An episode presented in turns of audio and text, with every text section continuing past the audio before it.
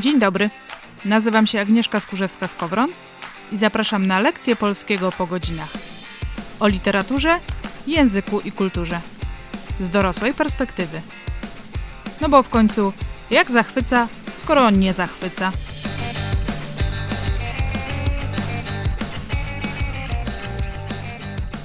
Dzień dobry. W tym odcinku no, kontynuujemy trochę temat tego, jak historia języka wpływa na to, jak mówimy teraz. Ale zapewniam cię, że do literatury też za jakiś czas wrócimy w tym podcaście. No bo tak, język żyje. I takie personifikowanie języka ma jakieś swoje uzasadnienie. W końcu, jeśli wpływa on na rzeczywistość, to można go przyrównać do demiurga, który niewzruszenie narzuca swoje zasady a niekiedy, widząc w tym swoje korzyści, łaskawie zezwala na ludzki wpływ na niego. Na przykład taki e-mail. Niby list, a jednak inny. Pisze e-mail czy e-maila? SMS czy SMS-a? I co na to językowy demiurg? Mamy niebywałą okazję obserwować z bliska, jak rozwija się i zmienia ten językowy organizm. Było sobie życie i był sobie język, zajrzyjmy więc do środka, na początku kilka ogólnych informacji. Jak na razie słowniki, na przykład słownik poprawnej polszczyzny czy słownik ortograficzny, za poprawną w normie wzorcowej uznają w przypadku SMS-a, e-maila, iPhone'a, smartfona biernik równy mianownikowi. Ale w normie potocznej dopuszczają również formę biernika równą dopełniaczowi. E, możesz w tym momencie przestać już słuchać, jeśli szukałaś, szukałeś tej informacji. Ale jeśli interesuje Cię skąd to zawirowanie i czy warto umierać za biernik, to słuchaj dalej. Czekają na Ciebie tendencje, ewolucja, walka, powrót do przeszłości, życie współczesne i proroctwa. Swoją drogą nieźle się ten podcast rozwija. W poprzednim odcinku byliśmy w wesołym miasteczku.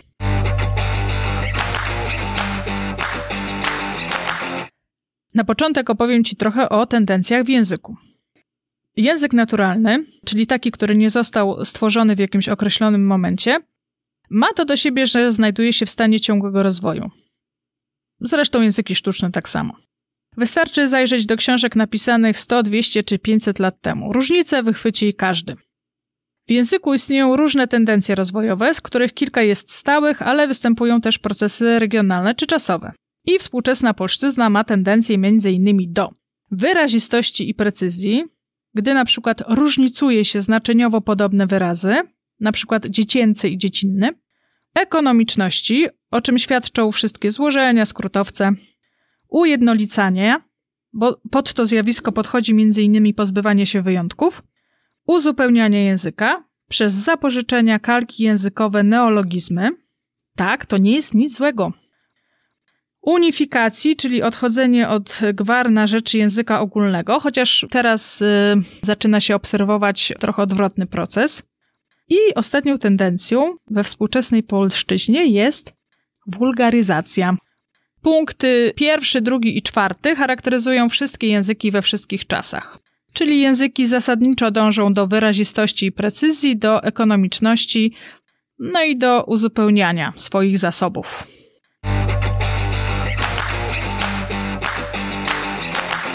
Zmiany, o których e, mówię w języku, nie dzieją się w jednym momencie, choć czasem dokonuje się radykalnych cięć w zakresie ortografii, czyli zapisu. Jeśli jednak w poradni językowej przeczytasz pod jakimś pytaniem, że językoznawca odpowiada raczej używa się, najczęściej, preferuje się, a nawet mocniejsze, odchodzi się już, rzadziej stosowana forma, możesz być pewna i pewien, że oto jesteś świadkiem jakiejś zmiany.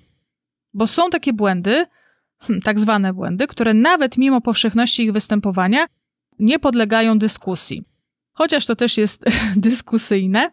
E, na przykład chodzi o wyraz e, poszłem. Kiedy transkrybowałam ten podcast, autokorekta usilnie chciała mi zmienić na e, poszedłem. To też jest dyskusyjne. O tym również być może za jakiś czas coś opowiem ale nieprędko ta forma zostanie uznana za formę hmm, tak zwaną poprawną. Gdy zaś pojawiają się wyjaśnienia, jak te przytoczone powyżej, wiedz, że coś się dzieje. Nie oznacza to oczywiście, że zmiana jest nieuchronna, jednak wydaje się bardzo możliwa. Przyznam, że dla mnie, mimo że jestem historykiem literatury, a poloniści dzielą się na językoznawców i literaturoznawców, a w tych dwóch grupach jest jeszcze wiele podgrup. Obserwowanie tych zmian na bieżąco jest wyjątkowo fascynujące, a żyjemy właśnie w ciekawych pod względem językowym czasach. Ostatnie wielkie zawirowanie językowe miało miejsce tuż przed II wojną światową w 1936 roku, kiedy nastąpiła wielka reforma ortografii oraz po wojnie, gdy kształtował się język nowej rzeczywistości. Zatarły się natomiast w społecznej pamięci te wszystkie momenty, kiedy język polski, poddany wpływom innych języków, wchłaniał ich słownictwo oraz sposób działania języka, przystosowując do swoich zasad, a nawet je zmieniając. Tak było z wpływem łaciny, języka niemieckiego, tureckiego, rosyjskiego i tak jest właśnie teraz, gdy największy wpływ na język polski ma język angielski. Możemy więc na bieżąco obserwować, jak język radzi sobie z tym, co przychodzi do niego z zewnątrz. Jeśli chodzi o ortografię, czyli zapis, ostatnią dużą zmianę mieliśmy w 1997 roku, gdy Rada Języka Polskiego zmieniła regułę ogólną pisowni nie z imię słowami zakończonymi na oncy, ny, ty. Wszystko piszemy łącznie.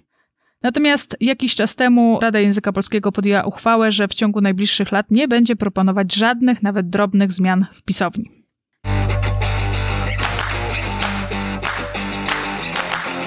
Tym, co wzbudza od co najmniej kilku, jeśli nie kilkunastu lat, wielkie emocje, jeśli chodzi o odmianę, jest forma biernika rzeczownika e-mail i kilku innych rzeczowników z grupy rzeczowników dotyczących nowych technologii, jak SMS, laptop, smartfon, iPhone. Choć zasady językowe są dość jasne, to rzeczywistość językowa już niekoniecznie.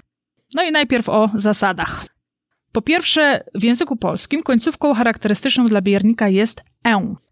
Występuje ona w większości rzeczowników liczby pojedynczej rodzaju żeńskiego, oprócz tych zakończonych y, na spółgłoskę, jak oś czy noc, wtedy biernik równa się mianownikowi. W rzeczownikach liczby pojedynczej rodzaju męskiego zakończonych na a w mianowniku, jak poeta, mężczyzna, wtedy mamy poetę, mężczyznę. W rodzaju nijakim biernik jest taki sam jak mianownik, w rodzaju męskim oraz w przypadku rzeczowników posiadających tylko liczbę mnogą, biernik przyjmuje końcówki mianownika dla rzeczowników nieżywotnych, dopełniacza dla rzeczowników żywotnych. Istnieją jednak grupy rzeczowników całkiem spore i pojedyncze rzeczowniki w rodzaju męskim, które choć nieżywotne, przyjmują w bierniku końcówkę dopełniacza. I są to na przykład nazwy tańców. Mamy polonez poloneza, walc walca, nazwy walut, dolar dolara, nazwy gier, poker pokera, grzybów, maślak maślaka, kwiatów, tulipan tulipana, owoców, arbuz arbuza, warzyw, burak buraka, słodyczy, cukierek cukierka, seryjnych produktów przemysłowych, szampan szampana. Tyle o zasadach, a teraz o historii. Jak to kiedyś było z biernikiem? Otóż o wiele prościej. Dopiero tendencja języka do precyzji sprawiła, że teraz mamy taki wybór, bo warto wiedzieć, że pierwotnie w polszczyźnie biernik wszystkich rzeczowników rodzaju męskiego równy był mianownikowi. I mówiło się: Mam brat, mam dom, widzę płot, widzę wuj, niosę kosz, niosę kot. Prowadziło to jednak do powstawania niejednoznacznych zdań typu Jan widzi wuj. I tu nie wiadomo, kto kogo widzi. Dla usunięcia tej niedogodności doszło do zmiany reguły. Biernik rzeczowników żywotnych stał się równy dopełniaczowi, dzięki czemu wyróżnia się w zdaniu końcówką a, czyli mam brata, widzę wuja, niosę kota. Byłoby Jan widzi wuja albo Jana widzi wuj i już wiemy, kto na kogo patrzy.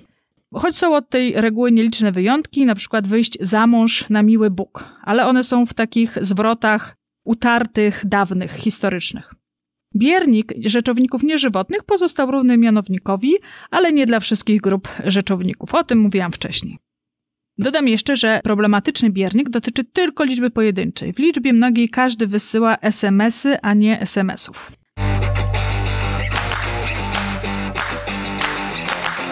No i teraz. E-mail czy e-maila? Jak na razie słowniki za poprawną w normie wzorcowej uznają w przypadku SMS-a, e-maila, iPhone'a, smartfona biernik równy mianownikowi. Czyli wysyłam SMS, e-mail, używam iPhone, mam smartfon. Ale w normie potocznej dopuszczają również formę biernika równą dopełniaczowi. Jeśli chodzi o to, jak piszą czy mówią Polacy, to na razie nie widać, by grupa rzeczowników związanych z nowymi technologiami przyjmowała jakąś jedną określoną końcówkę. Bo owszem, Najczęściej słychać, wysłałam e-maila, SMS-a, kupiłam smartfona, iPhone'a, ale kupiłam tablet, komputer, modem. Nie znalazłam jak na razie nigdzie żadnego sensownego opracowania językoznawczego, dlaczego chcemy kupować smartfona, ale kupujemy tablet, a nie tableta czy modema. O ile jeszcze zdarza mi się słyszeć biernik tableta, to już modema nie słyszałam nigdy. A nawet gdybym usłyszała, uznałabym to za formę prześmiewczą, podobnie jak z rzeczownikiem komputer. Sama zaś, przyznaję, kupuję najczęściej laptopa, a nie laptop, choć teoretycznie to ta druga forma jest staranniejsza. Formę mianownikową biernika rzeczowników SMS i e-mail uzasadnia się analogią do listu czy telegramu, no bo są one współczesną formą wysyłania wiadomości, tak jak wcześniej właśnie list oraz telegram. Smartfon i iPhone to zaś rodzaj telefonu, w dużym uproszczeniu oczywiście, a odbieramy telefon, a nie telefona. Tak samo jest z tabletem czy laptopem, które są podobne do komputera. To wszystko ma sens, ale co będzie dalej z biernikiem e-maila i SMS-a? Nie mam pojęcia.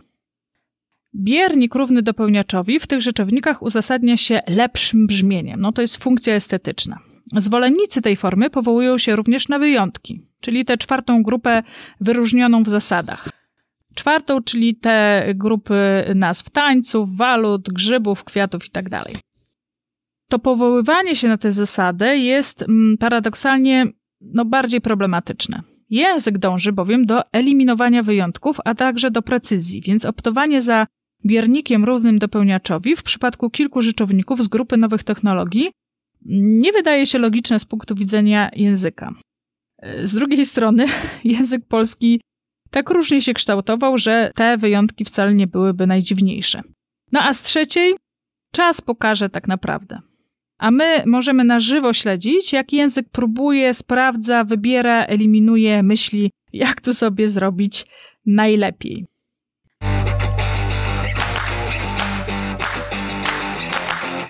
Na zakończenie chciałam dodać to. Pamiętaj, że większość zasad rządzących naszym językiem ma swoje uzasadnienie w jego rozwoju.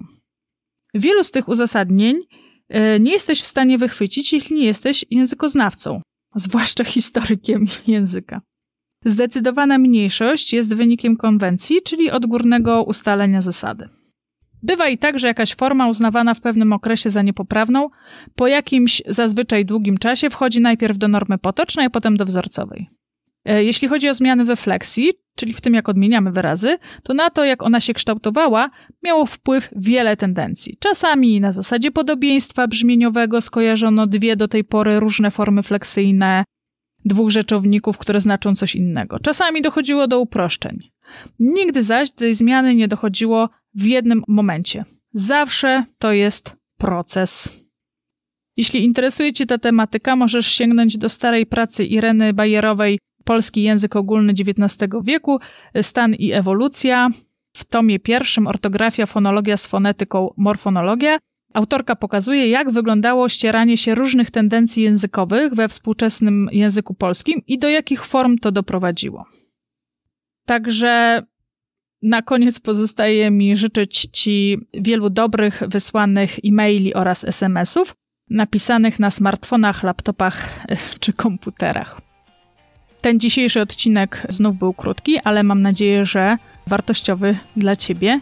Zachęcam Cię do tego, żebyś nastawiła i nastawił ucho na te zmiany językowe, które dzieją się właśnie na naszych oczach i uszach. Zachęcam Cię również do zaglądania na stronę Wianki Słów, bo tam pojawiają się różne ciekawe teksty. Część z nich pojawia się również jako odcinki tego podcastu, ale nie wszystkie, więc zachęcam do lektury. A tymczasem do usłyszenia w kolejnym odcinku.